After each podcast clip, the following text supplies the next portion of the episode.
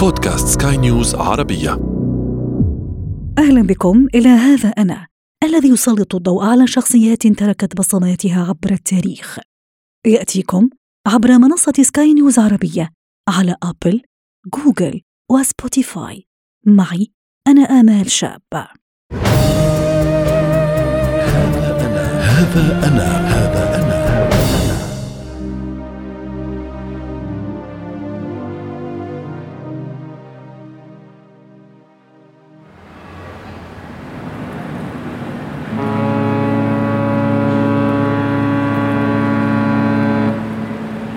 إننا في الخامس والعشرين من نوفمبر عام 1912 فهد الأطرش الذي يعمل لدى السلطات العثمانية في طريق عودته إلى مسقط رأسه سوريا بعد خلاف وقع بينهما. بين عباب البحر تشق الباخرة التي تقله مع عائلته طريقها. بينما زوجته الأميرة علياء المنذر تتلاطمها آلام المخاض في إحدى زوايا الباخرة. لقد ولدت للتو آمال. من زرقة البحر استمدت آمال لون عينيها المخلوط بالأخضر الداكن. بينما الإعدام المتشابكة تقف حارسا أمينا للسحر الذي يشع منهما.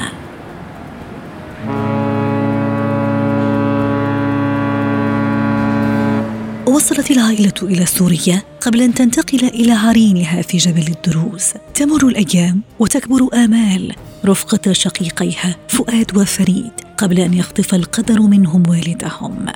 برحيل رب الأسرة واندلاع ثورة الدروز ضد الفرنسيين تقرر علياء المنذر الرحيل بأولادها إلى مصر ما أصعب الحياة حين تتنكر لسنوات الرخاء.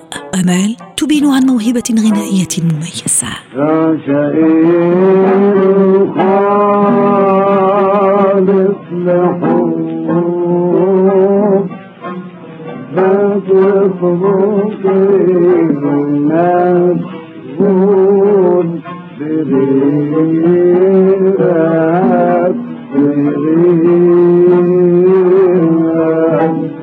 الملحن داود حسني أحد أكبر الموسيقيين في مصر في زيارة لعلياء المنذر ببيتها. لقد سمع أمال وهي تغني في غرفتها المجاورة قبل أن يطلب إحضارها إليه لتغني أمامه. ويقترح عليها أن يدربها ويعلمها أصول الغناء. لقد اقترح عليها أيضا أن يناديها اسمهان وازاي نعيش من غير اماني ونلقى في الدنيا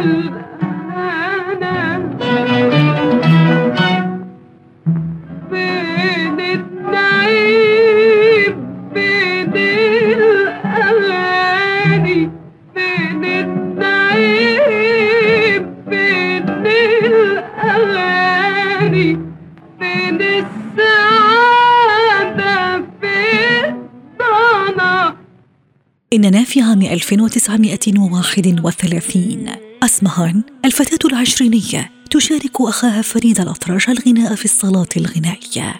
إنها الشابة التي يحمل صوتها صوت امرأة ناضجة يقول الملحن محمد عبد الوهاب. أسمهان في الثانية والعشرين من العمر. لقد تزوجت من الأمير حسن الأطرش وانتقلت معه إلى جبل الدروز في سوريا حيث ستعيش لست سنوات كأميرة للجبل وترزق منه بابنتها الوحيدة كاميليا قبل أن يحدث الطلاق وتعود مجددا إلى مصر. التليفون ده مشكلة جديدة. عشرين مرة النهاردة رد على التليفون. وكل لهم أنا أختك ما يصدقونيش علشان ترتاح من كده المرة الجاية يقولوا لهم إنك مراتي مراتك؟ بكر وماله وأنا يهمني. إيه عام 1941 أسمهان تدخل عالم السينما. وتشارك أخاها فريد الأطرش بطولة أول أفلامها وهو الفيلم الذي أخرجه أحمد بدر خان الذي ستتزوجه أسمهان قبل أن يقع الطلاق سريعا. فتحت أبواب الشهرة لأسمهان وكثرت حولها الأقاويل عن تعاونها مع الاستخبارات البريطانية. لقد قامت بمهمتها على أكمل وجه تقول الروايات قبل أن يعيدها البريطانيون إلى زوجها الأسبق الأمير حسن الأطرش. من جديد أسمهان أميرة الجبل تعيش البذخ والترف وتنعم بالمال الذي أغدقه عليها الإنجليز. قبل أن يتخلوا عنها بعد أن تناهى إليهم خبر عملها لمصلحة فرنسا الديغولية ليست علاقتها بالإنجليز وحدها التي ساءت. كذلك علاقتها مع زوجها فكانت الطلاق ثانية قبل أن ترتبط بالمنتج والمخرج أحمد سالم. لكن العلاقة الجديدة سرعان ما انتهت. دلت الأنس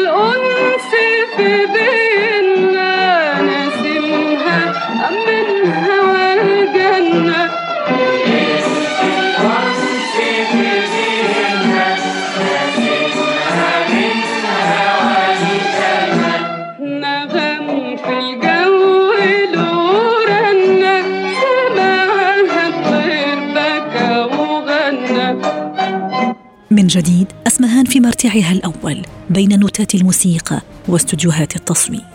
إننا في الرابع عشر من يوليو من عام 1944 أسمهان التي تصور فيلم غرام وانتقام تستأذن فريق العمل في السفر لأخذ قسط من الراحة. استقلت السيارة مع صديقتها ماري قلادة. فجأة يفقد السائق السيطرة على السيارة في عمر الثانية والثلاثين.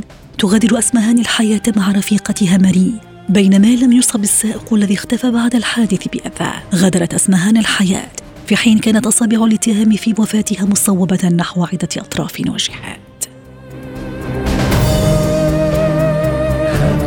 هذا أنا هذا أنا. نهاية هذه الحلقة من هذا أنا. استمعتم إليها عبر منصة سكاي نيوز عربية على أبل، جوجل وسبوتيفاي. ولنا لقاء.